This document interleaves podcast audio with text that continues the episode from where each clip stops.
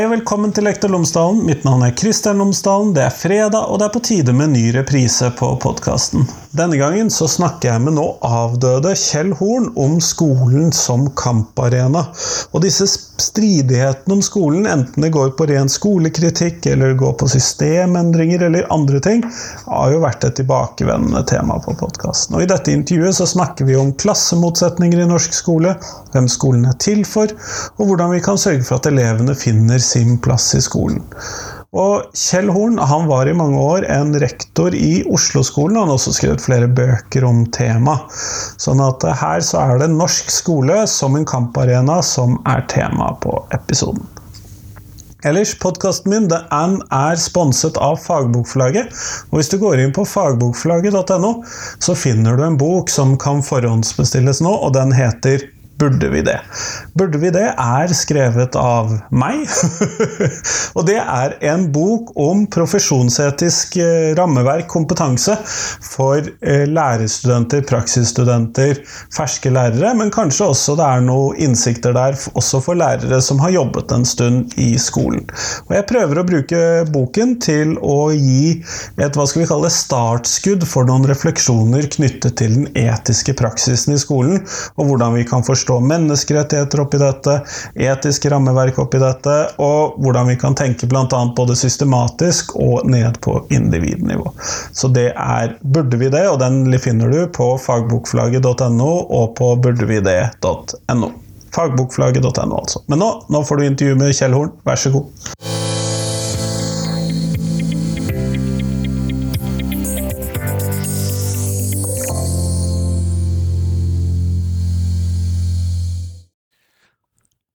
Kjell Horn, tusen takk for at jeg har fått lov til å besøke deg i dag. Og tusen takk for at du kom. Jeg er veldig spent på å få lov til å si litt om norsk skole. Jeg har skrevet om norsk skole i mange år, helt siden 1985 har jeg skrevet om norsk skole ved siden av full jobb, og, men dette er en, litt en spennende ny erfaring. Ja, og det må vi jo ha. og det tror jeg vi nesten kan telle som en av dine ting. Men kunne du fortelle oss to ting til om deg, sånn at uh, lytterne mine kan bli litt mer kjent med deg? Ja, altså jeg er straks 81 år gammel. Født og vokst opp i Oslo. Begynner å bli voksen? Begynner å bli voksen, ja. Men eh, mener sjøl at jeg fortsatt er mentalt oppegående og fysisk noenlunde i bra form. Aldri drevet noe særlig idrett, bortsett fra at jeg har sykla Trondheim-Oslo elleve ganger. Det kaller jeg å drive med idrett. Nei, jeg kaller ikke det det. Er, det, det har vært en hobby.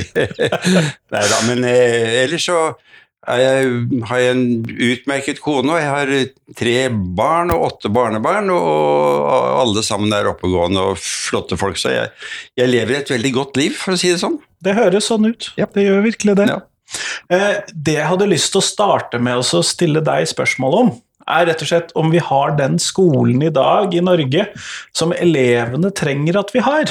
Altså Elevene, det blir jo et veldig svært sekkebegrep, da. Ja, det er en kjempestor sekk. Noen elever, mange elever eh, trives etter hva de sier. Men jeg har erfart, og jeg mener å se det også, at en altfor stor del av elevene ikke trives. Spesielt når de kommer oppover på ungdomstrinnet, og der kommer det der helvetes karaktersystemet, målesystemet, kommer inn på full tyngde og bidrar til å skape mistrivsel og nederlag og faenskap for veldig mange elever at flinke elever får brukbare karakterer, det er kurant. Og at uh, alminnelig greie, veltilpassede elever de får sine Hva heter det nå? Er det treer og firere?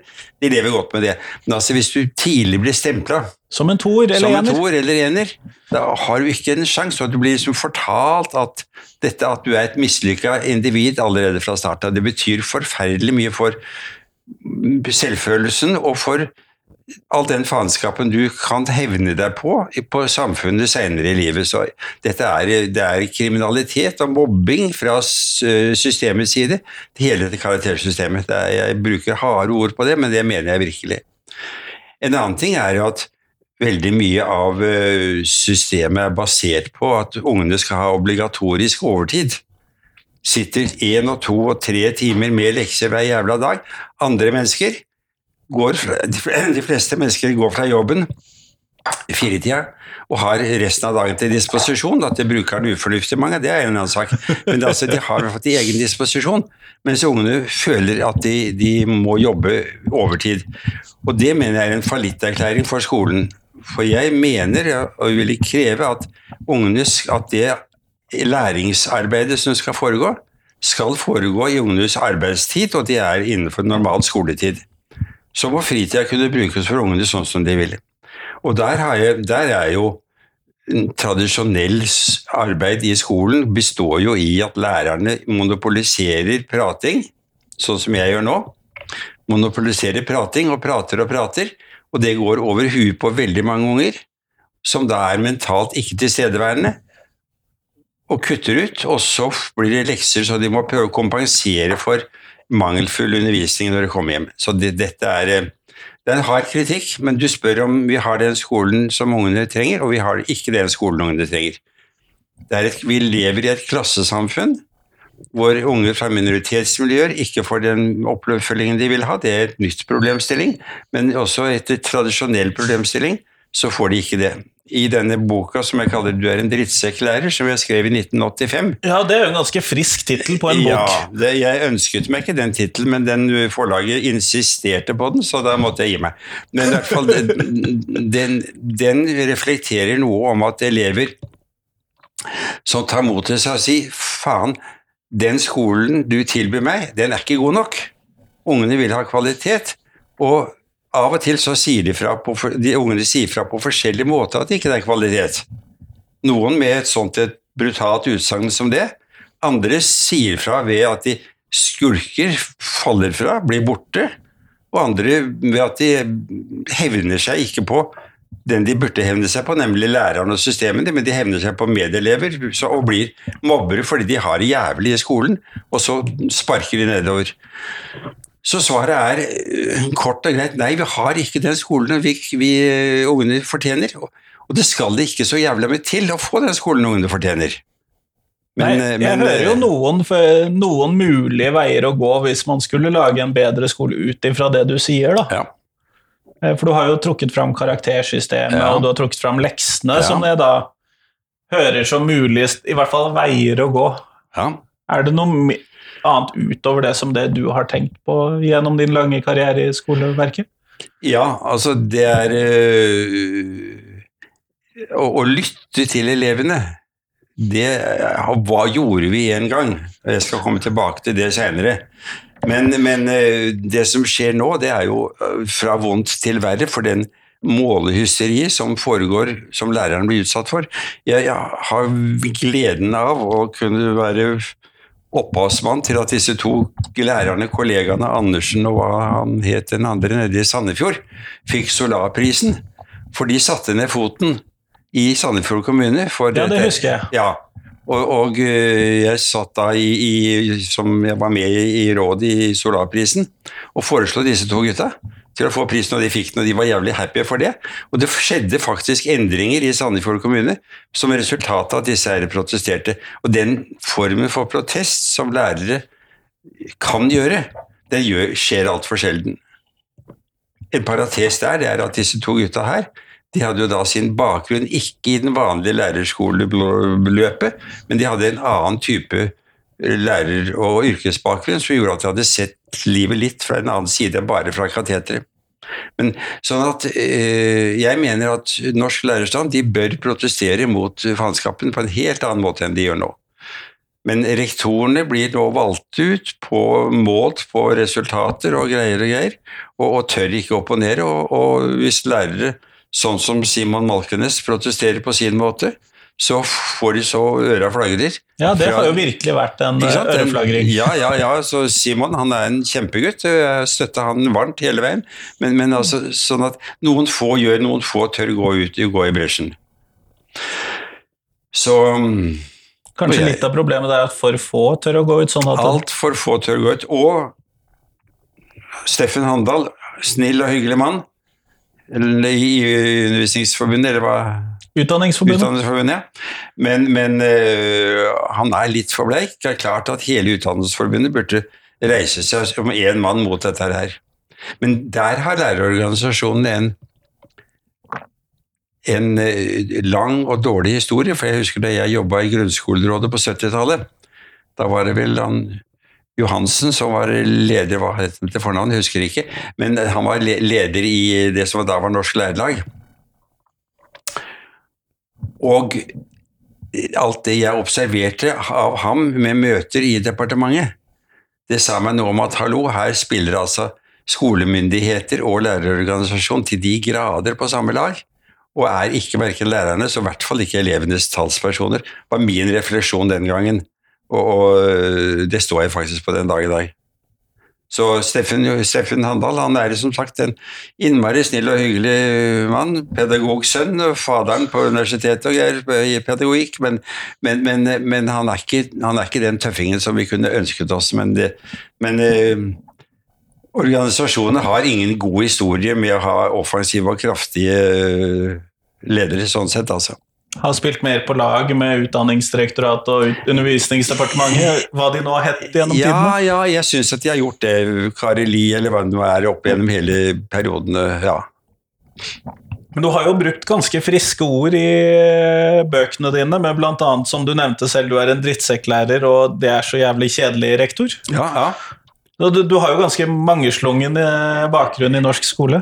Ja, for den, den der 'Du er en drittsekklærer', den skrev jeg da, og da i 1985. Da oppsummerte jeg det som var til da mine erfaringer. og vel, Den ble utsolgt fra forlaget, selvfølgelig, og ikke trygt. Og så tok jeg kontakt med forlaget og fikk tilbake rettighetene, og har fått laget et nyopptrykk. Og så har jeg skrevet en oppfølger, som jeg da kaller øh, 'Det er så jævlig kjedelig, rektor'. Og den er også en autentisk opplevd historie. For det var en av de mange elevene som da ikke som, altså, Han, en helt normal, ålreit gutt, men skolen, den vanlige ungdomsskolen var ikke for ham, for å si det enkelt. Og så kommer han inn på, meg, inn på mitt rektorkontor og kommer med den utblåsningen der. Og da får jeg et problem. Skal jeg da filleriste de lærerne som har plaget gutten, eller skal jeg holde med lærerne som syns at denne gutten er et pest og en plage? Eller hva gjør jeg med det? For han var jo sikkert et uromoment i Det er klasserommet. klart han var et uromoment. Han, han ble jo sendt til rektor for, for at rektor skulle stramme han opp. Men, men altså, som rektor hadde jeg ikke hjerte til det, hadde jeg ikke min, altså mitt pedagogiske sjel sa meg noe om at dette her gutten her, han mener så jævlig alvorlig med dette her. Så resultatet av det, den ene episoden der, ble at jeg fikk en vekker når det gjelder de alternative skolene. Vet ikke hvor godt du kjenner det, men, men altså, så mange, massevis av kommuner har opprettet skoletilbud eh, hvor elever som da ikke som er på nippen til å droppe ut av ungdomsskolen, kan få gå på en alternativ skole i stedet, i kommunal regi. Og det er fenomenalt. altså Beskriver de boka her. Men resultatene elevene oppnår i karakterer, for å holde oss til det, det er jo oppsiktsvekkende bra. Og de trives, og de dropper ikke ut. Og det fantastiske med de skolene, de har lavere undervisningstall i de vanlige fagene enn på en ungdomsskolen, og likevel gjør de det bedre.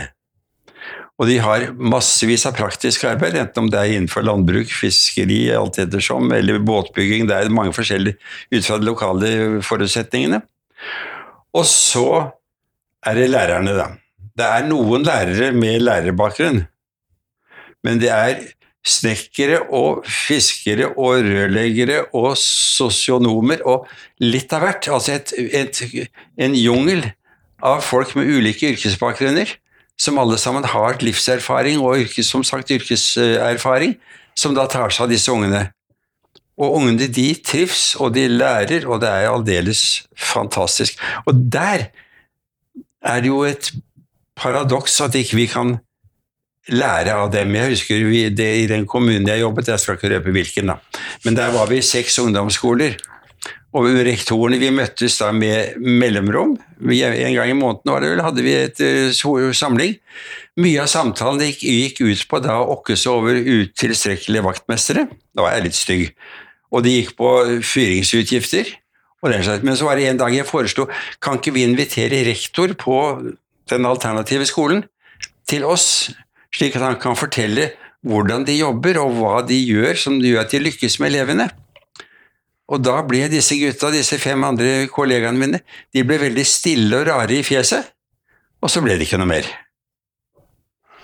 Nei. Så det var, det, dette var uinteressant. Altså, de, vi, problemene denne gutten som kom til meg, og tilsvarende, de blir da eksportert til denne alternative skolen, som tar seg av dem. Og dermed så er normalskolen i Gåsøen, det er den kvitt problemet, og vi kan kjøre det gamle løpet sånn som vi pleier. Ja. Men hvis vi da skulle tenke oss at vi skulle lage en god en normalskole for disse elevene som vi da tidvis enten sender ut til alternative opplegg, eller har lyst til å sende ut til alternative opplegg. Eh, hvordan skulle vi forandret på den vanlige offentlige skolen for å så få den bedre? For det er jo det som må være målsetningen hvis vi skal ha én felles skole. ja. Barnetrinnet er i hovedsak ok. Ungdomstrinnet er ikke ok. Ungdomstrinnet er, og det har jeg skrevet om ellers, ungdomstrinnet er da, var da en ulykksalig kombinasjon av to for så vidt ikke så gærne skoleslag, nemlig framhaldsskole og realskole. Og nå er det noe, nå er det, dette er ikke nostalgi, og dette er ikke sånn uh, gøy, men framhaldsskolen var et godt skoletilbud til bråtevise ungdom som senere ville gå ut i praktiske yrker. Realskolen var et ålreit tilbud for dem som ville gå videre i det som da het gymnaset, altså og, og Den studieforberedende ungdomsskolen. Studie, ja, noe sånt Da. Ja. Og jeg ville, jeg ville si som så at jeg vil ha en Gjerne under samme tak, for det var jo idealet, da. Gjerne under samme tak. To, kall det linjer eller studieretninger, eller kall det hva du vil, men altså en, en reell inndeling ut fra valg sånn. Men selvfølgelig da med mulighet for overgang. Hvis en elev som hadde starta på en teoretisk linje i ungdomsskolen, skjønner at dette ble vel heavy, og fordi at foreldrene hadde forventet det, ville gå over på det praktiske, ok. Og likeledes en ungdom som syns at savner både tysk og litt av hvert, ville da gjerne gå over på det teoretiske. må det være mulig med overganger. og Dette er snakk om smidige løsninger som går an å få til. Men hovedsaken er at når en ungdom kommer til ungdomsnivåtrinnet, så begynner det å, manifestere seg ønsker og behov og lyster på yrker, enten om det er å kopiere opphavet eller miljøet eller venner eller hva det måtte være, eller rett og slett at noen skjønner at de er øh, flinke med hendene, sånn, sånn som jeg sjøl. Hvis, hvis jeg hadde kunnet velge fritt, så burde jeg valgt et kunstnerisk øh, kunstfag eller håndverksfag. Sånt. Jeg er jævla god med hendene. Jeg er ikke så god med huet. Selv om jeg har prøvd å gjøre noe med det, så, så er det klart at altså Ja. Eller noen er idrettstalenter tidlig og bør få lov til å utvikle det. Altså, det handler, det handler om det handler om å finne ut hva, hva, hva, du, hva du faktisk kan få til. Jeg, fastlegen min jeg hadde en liten, jeg har snakket med ham i mange år. Han har hatt trøbbel med en av ungene sine, noe i skoleverket, men ikke fikk til ting. Og plutselig så begynte denne gutten på taekwondo eller noe annet. Og fikk til noe han mestret, virkelig fikk til noe. Dermed så blomstra han opp på andre områder også. Og, og, og det å få til, det å finne ut hva er det hos den enkelte ungdom, eller barn for den saks skyld, i hvert fall ungdommen, hva er det som de har av talenter, hva er det de, de kan få til å, å mestre på? Og mest, får du til en mestringsopplevelse på dette området, så vil dette her naturlig gjøre at du også får se lyst på livet og får til masse andre ting. Altså, dette er faen meg så elementært og så enkelt. Og skoleverket, mine siderumpa kollegaer, nekter å se det i det hele tatt. Og hvis du Hvis du ikke har, har det her. Hvis, hvis, det er, hvis det er et område du, du ikke lykkes på, hva gjør du da? Jo, da klemmer du til med spesialundervisning på det området. Da tar du eventuelt eleven ut, setter deg med denne ungen på et kammer, så setter deg på ungen og lærer dobbeltkonsonanter og annen faenskap til det ikke sitter. Du, du, du, får, du kan ikke lære mer på den måten her. Mens derimot Må Altså, få til mestringsopplevelser. jeg, jeg, jo, jeg, jeg får lov til å bruke eksempler, jeg kan ikke bruke navnet altså, men jeg får lov til å bruke det. Men altså, jeg hadde en elev i, jeg overtok en klasse, den, den gang åttende klasse, nest siste klassen på ungdomstrinnet. Jeg hadde hørt om denne eleven tidligere, at han var en pest og en plage. Fullstendig propell, aldeles umulig. Og jeg hadde da rykte på meg for å kunne få orden på vanskelige klasser, som det het, og det tok jeg som et kompliment, og jeg sa ja takk, jeg overtok den klassen. Og så jeg, skal jeg begynne med den klassen der, og så kommer rådgiveren til meg, og så sier han du har ikke søkt om, ikke søkt om spesialtimer til Olav, sier han. Nei, sa jeg. Jeg kjenner Olav fra før, fra barnetrinnet. Jeg vet at han er en gløgg, gøyal, morsom, intelligent fyr med masse potensialer. Han skal ikke ha noe spesialundervisning i det hele tatt. Jeg skal ha, jeg skal ha han i klassen, sa jeg. Oh, det var krise. Først gikk jo skole gikk glipp av 15 spesialtimer, en ressurs som jeg ikke søkte om. Det var noe sånn, nei, sa jeg. Jeg stiller som betingelse for å ta den klassen at Olav skal få lov til å være med i klassen. Så skjønte jeg at han hadde et talent som ble veldig synlig den gangen, og det var tegning. Så, og jeg hadde snakket med, snakket med gutten, jeg snakket med foreldrene og snakket med klassen som helhet og sa nå skal det være slutt på at Olav skal være klovnen på skolen. Vi skal ha han hos oss, og vi skal, vi skal få han til å fungere sammen med oss. Og ungene var veldig lojale. Unger er stort sett lojale, altså. Så det begynte, og Olav han fikk da en bunke papir og tusjpenner så han satt i en krok og tegna og tegna og tegna den første uka. Etter hvert som jeg skulle ha prosjektarbeider, så var det han som da naturlig fikk illustrere prosjektarbeidene. Og han lyktes med det og ble integrert i gjengen. Og etter 9. klasse så fikk jeg ham altså ut av ungdomsskolen med fullverdig vitnemål. Og han kunne begynne på videregående skole. Og i dag er han da gift, far til to flotte døtre, driver et eget flott band, Drollsum stasjon, og er sosialarbeider og er på toppnivå i, i Ringerike kommune. Kjempegutt. Det er altså en, en, en solskinnshistorie som bare sier noe om at behandle unger som Altså, vi er alle sammen, nesten alle sammen av oss, er normale i gåsehudene. Ingen er helt normale, vi er avvikere på et eller annet måte uansett. Men, og alle sammen har positive egenskaper og potensialer som vi kan utnytte. Og dette, dette Så denne Olav, han er en han var en kjempegutt og er en kjempegutt nå den dag i dag. Han, hadde, han, hadde vi klint til med spesialundervisning og nederlagsfølelse, så hadde han vært ødelagt. Sånn at vi må Det jeg hører, er at vi må utnytte de talentene vi ser, og inkludere alle elevene. Nemlig.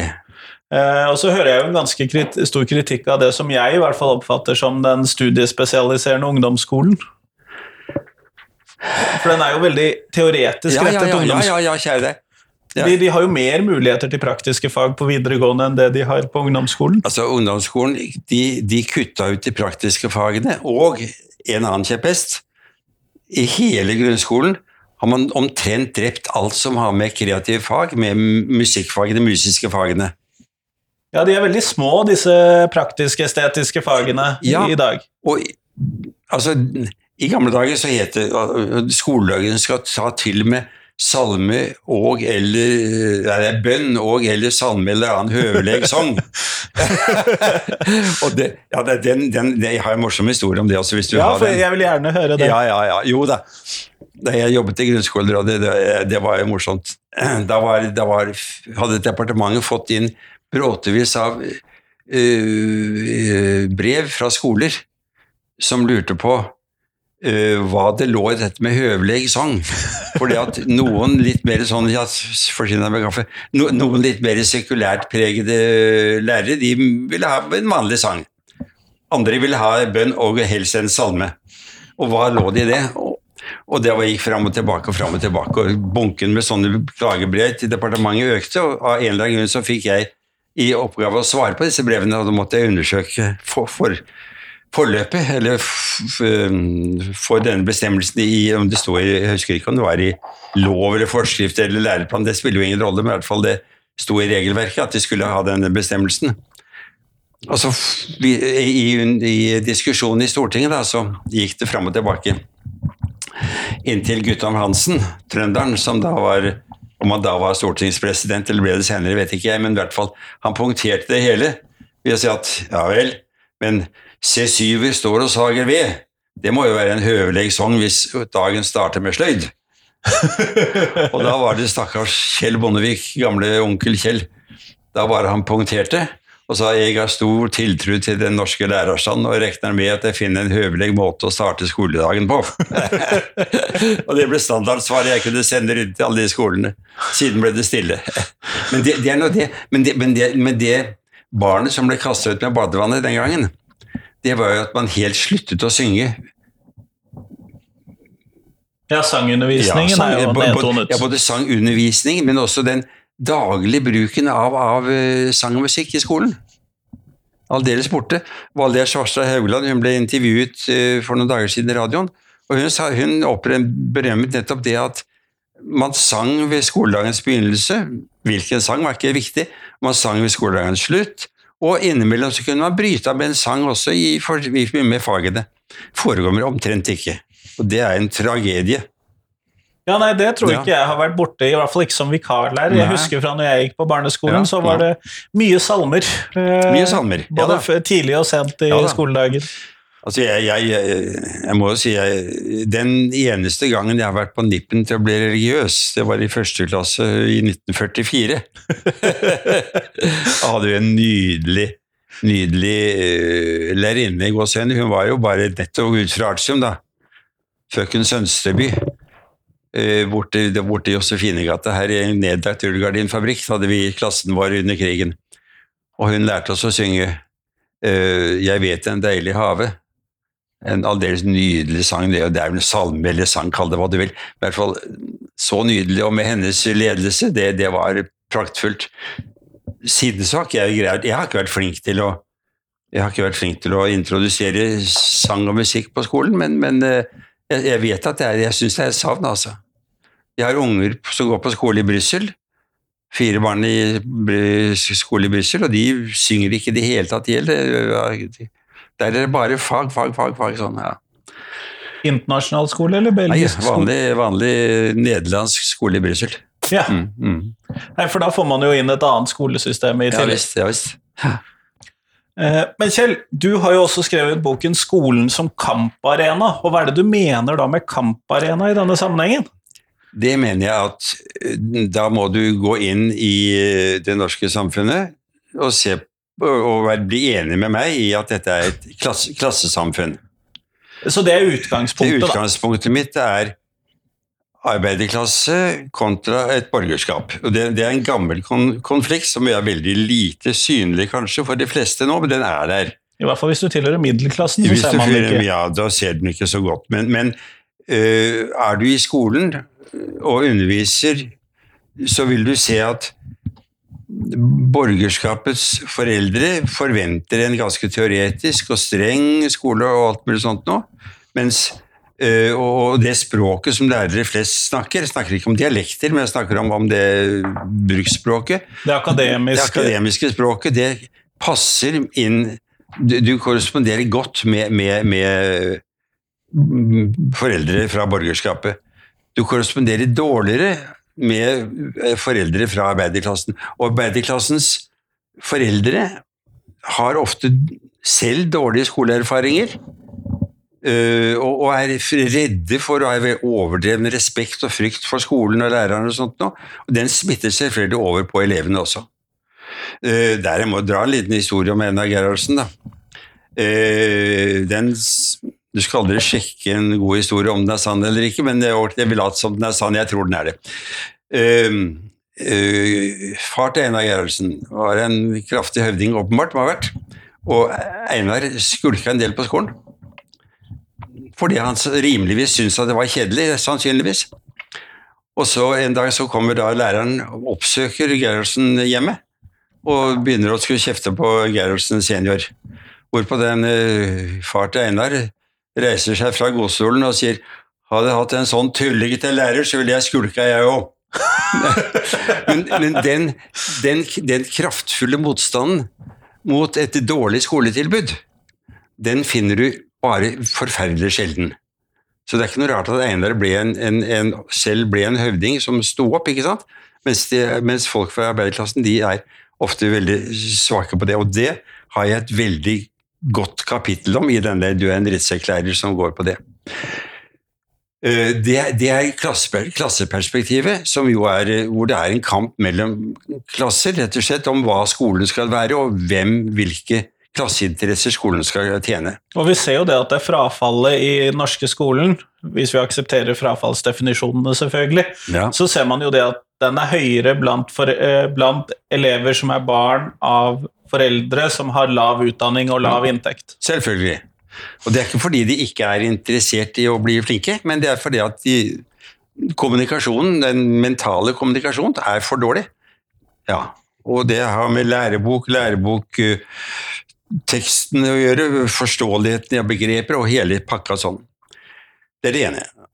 Og så har du det andre kampområdet, det er jo selvfølgelig som jeg har hatt veldig moro av å beskrive, det er hvordan da skolen, skole i gåsehudene, var lik kirken og dåps- og konfirmasjonsopplæring og så sånn, fra 1700-tallet eller når det er, og oppover, og hvordan da kirken hele tiden har kjempet og kjempet og kjempet, så kamp er et riktig uttrykk der, for å holde på sine privilegier, holde på sin makt over barnesinnene, for det at det, og, og, og, og kirken i kombinasjon med de sekulære myndighetene har holdt befolkningen i sjakk og, og, villet, for, villet gi dem den kunnskapen som har vært nødvendig for at samfunnet skulle fungere, men ikke for at befolkningen skulle bli uh, få gale ideer, for å si det sånn, blir opposisjonelle. Og Der har jo Kirken måttet, måttet vike fra skanse til skanse til skanse til skanse. Så det, selv så jobbet jeg jo masse med alternativ livssynsundervisning på 80-tallet, det var kjempegøy. Og så kom da denne, dette, denne, dette kompromisset, da, som ble, ble en felles livssynsfag som jeg da var skeptisk til, for jeg mente at Kirken fortsatt hadde såpass stor uh, makt i samfunnet at de ville komme til å dominere dette livssynsfaget ganske kraftig. Og jeg tror at historien har vist at jeg har fått rett, selv om altså da uh, RLE-faget ble en midlertidig topp, inntil Kristelig Folkeparti fikk sneket inn denne K-en igjen. Sånn at, at kristendommen, som er blitt en altfor dominerende både i volum og, og tematikk i, i, dette livssynsfaget nå, som man da nesten ikke har noen fritaks, fritaksmuligheter for. Men eh, du var jo en av de som var med på å skrive læreplanen til dette livssynsfaget, har jeg forstått det jo, riktig? Jo. Ja. Eh, Hva var det som var de bærende ideene når man skulle lage et sånt livssynsfag? For det er jo jeg litt interessert i som religionslærer. Hva var det man skulle se? Altså det, Jeg tror nok at altså Jeg laget én tynn læreplan, jeg har den stående i hylla, en tynn læreplan sammen med en som heter Rune Gustavsen for Oslo og Bærum kommune på den tiden der.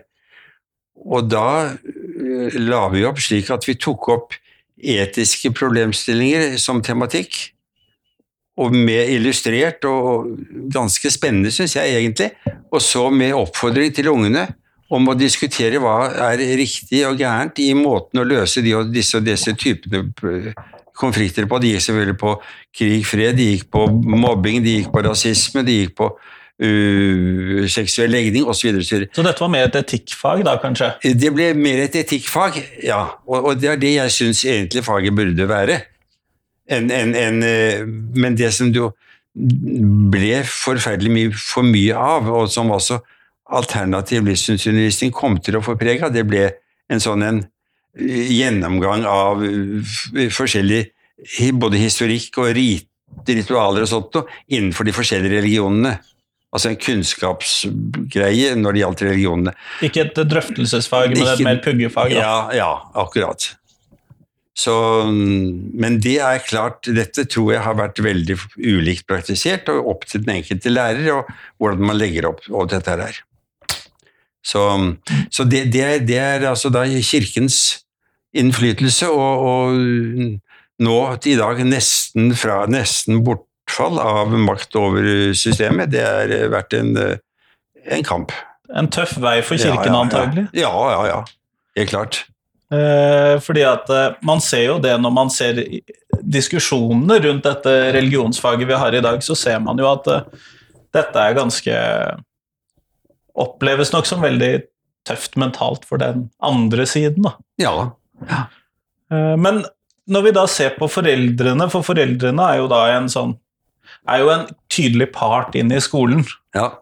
Eh, har du opplevd noen sånn endring i foreldrerollen i forhold til skolen fra du begynte frem til nå, eller er det en annen type kamparena i skolen? Nei, jeg, jeg, jeg, jeg syns nok at øh, foreldreengasjementet Ja, nei. Jeg, jeg, jeg, jeg syns nok Jeg tar nok heller øh, Når det gjelder foreldrene, så tar jeg nok heller dette klasseperspektivet inn i bildet. For da kommer det igjen tilbake til dette ja, med klassen. Ja, jeg tror jeg gjør det. Jeg, tror jeg gjør det. Jeg syns ikke øh, For graden av foreldreengasjement i skolen, det, det kan variere. Men altså, de er på vakt. Jeg husker øh, Jeg vet ikke om du merker det nå, men jeg fører et relativt radikalt bokmål i, munt, i min muntlige prat, og det har jeg også gjort som lærer. Og det nådde jo hjem da, til øh, konservative foreldre i den skolen Jeg ville tro at på Smestad så var ikke Ja, det ja. Og da var det en eh, advokat som da eh, innkalte til foreldremøte for å ta stramme opp lærer Horn på hans måte å snakke på. Og du vet at du er ikke født i Oslo vest med en akademisk eh, foreldrebakgrunn uten at du også kan beherske det dannede riksmåltalt. Så da hadde jeg tre kvarter hvor jeg bare snakket helt korrekt, fullstendig nydelig Oslo vestkantdialekt. Og, og slik, sa jeg, slik er det stort sett jeg snakker når jeg snakker med elevene, sa jeg. Ja vel, så takk for dagen, det var hyggelig, et hyggelig møte. Nei da, og jeg har jo da i den kapitlet så har jeg også språkspørsmålet, for det at eh, altså, samnorsk bokmål, samnorsk, den, det, er jo, det var jo en voldsom stridsspørsmål i sin tid.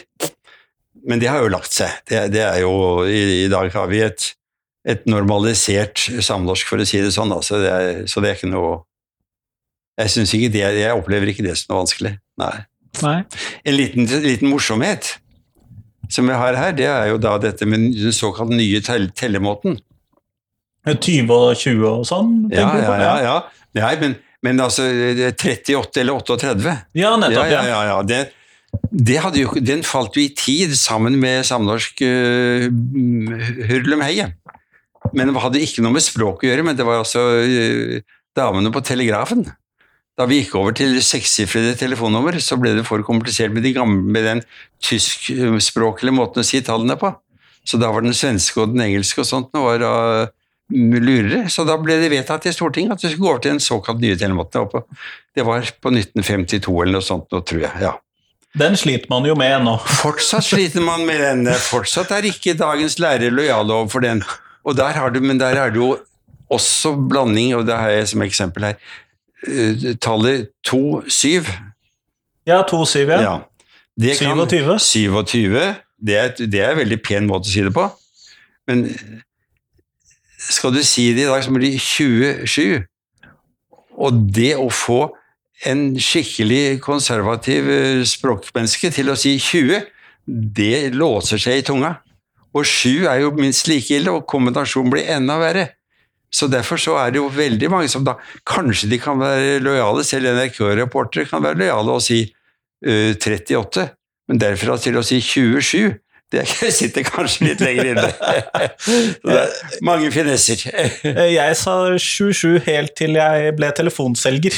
Ja, Fordi at å få folk til å oppfatte at det er 2-7 og ikke 77, ja. Ja. gjorde at jeg måtte gå over til å si 27. Nei, sier du det? Ja. Fordi at over telefonen så ble det så uklart. Ja vel. Men du sier, vel si 48, sier du? 48 eller 48? Å ja, du gjør begge deler, Ja, ja, ja, greit. Eh, før er jo det eh, god eh, kutyme der jeg kommer fra. Akkurat. Eh, Men hvis vi nå går mot slutten av podkastintervjuet, så har jeg selvfølgelig et fast spørsmål som jeg har lyst til å stille deg. Ja. Og det er hvis vi skulle ha et nytt fag i skolen. Eh, hvis du skulle få lov til å lage dette faget, mm. hva skulle det hete, og hva skulle vi fylle det med? Ikke minst. Da skulle faget hete elevmedvirkning, rett og slett. Reelt elevdemokrati. Ja, så det skal være målet for faget. Ja. Mm. Og jeg ville fylle det med ikke nødvendigvis en fast time på timeplanen, men om nødvendig, ja. Men det skulle være at Og det, det baserer seg på de strålende erfaringene jeg gjorde i sin tid som lærer, hvor vi fikk innført eh, klassens time og, eh, og elevrådsarbeid og sånt noe, fikk innført det på, på, i, i, læreplanen. Og jeg skrev hefter for Grunnskolerådet om dette her. Og det betyr at så sant, så sant det er et eller annet som er problematisk, sett fra lærerens side eller fra elevenes side, så skal man da ikke sabotere, man skal ikke kjefte, man skal ikke uh, lage store konflikter av det, men man skal rett og slett ta det opp og snakke om det på en ordentlig måte. Og Utgangspunktet mitt var da denne 'du er en drittsekk lærer'. Jeg må dra historien bare kort for å vise dilemmaet som jeg sto i. Jeg hadde hatt gymnastikk med en klasse. Og gymnastikk har aldri vært mitt topprioriterte fag. Vi hadde 36 undervisningstimer i uka. Og du kan ikke niforberede alle timer i alle fag. Nei. Så noe må du ta litt på sparket. Og gymnastikktimene mine de ble tatt på sparket. Og jeg lot unga spille ball, for det var stort sett det de selv ønsket seg. Og de spilte kurvball eller hva det var. Og jeg sto som vanlig lærer med dress og slips og blåste i fløyta når de begynte å slåss. bortsett fra det. Og da var det altså en gutt, eh, Bjørn Gjefle het han. han Bjørn han eh, sto med underbuksa rundt knærne i dusjen etter timen, og så brølte han til meg 'Du er en drittsekklærer'. Og så tenkte jeg 'Hva i huleste er det han sier for noe?' Hva mener han? Hvorfor? Og så, så, Da ville jo da den vanlige refleksen da hos lærere det var å gi ungene en liten fikk og si at sånn går ikke an å snakke. Det gjorde man jo, man skulle, skulle ikke gjøre det, man gjorde det av og til. Ja, det gjorde man. Det var, det var dagens 50- og 60-talls skole.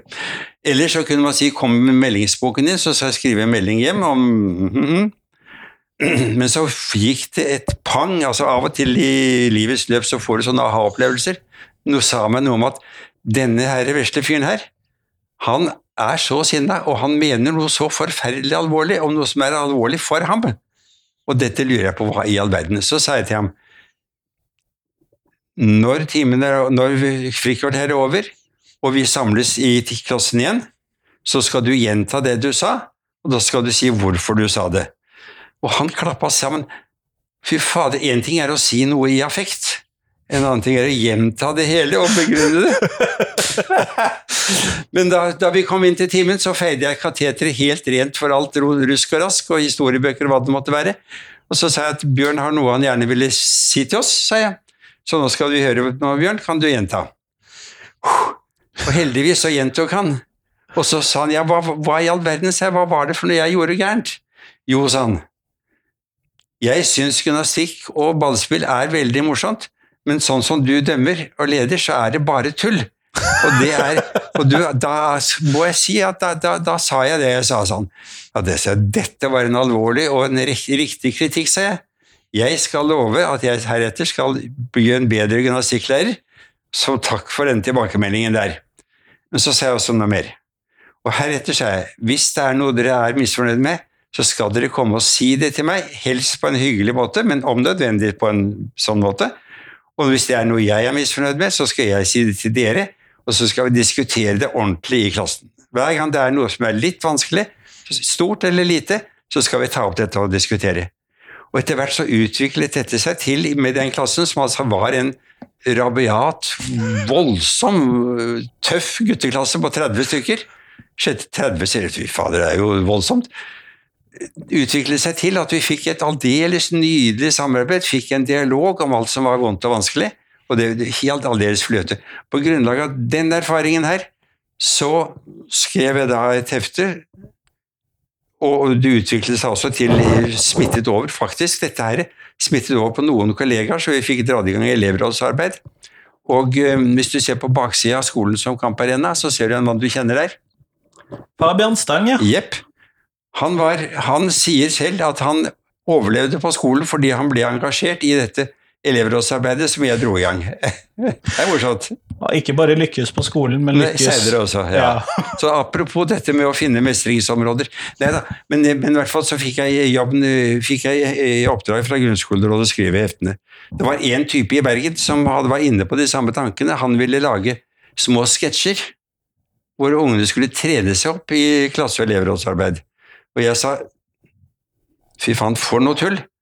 Hver eneste dag er full av større og mindre konflikter som er viktige for ungene. Så ta nå tak i de konfliktene, og la, la oss lære oss måter å møtes på for å snakke om dem på en ordentlig måte. Og ikke, la, ikke liksom-konflikter. Og heldigvis så vant min linje fram, og jeg fikk lov til å skrive disse heftene for grunnskolerådet, og det kom inn i læreplanen. Dette er jeg stolt av, og dette er kommet ut av læreplanen. Så hvis jeg vil ha et såkalt nytt fag, så er det å revitalisere denne måten å jobbe på, altså. Rett og slett. Høres bra ut. Tusen takk for at jeg har fått lov til å komme og prate med deg i dag. Og tusen takk for at du kom til, på besøk. Det var veldig hyggelig, Kristian.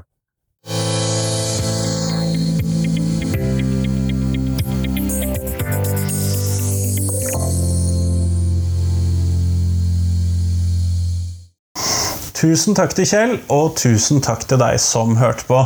Nå tror jeg nok ikke at Kjell får med seg at jeg takker ham for dette, fordi at han døde dessverre i november i fjor.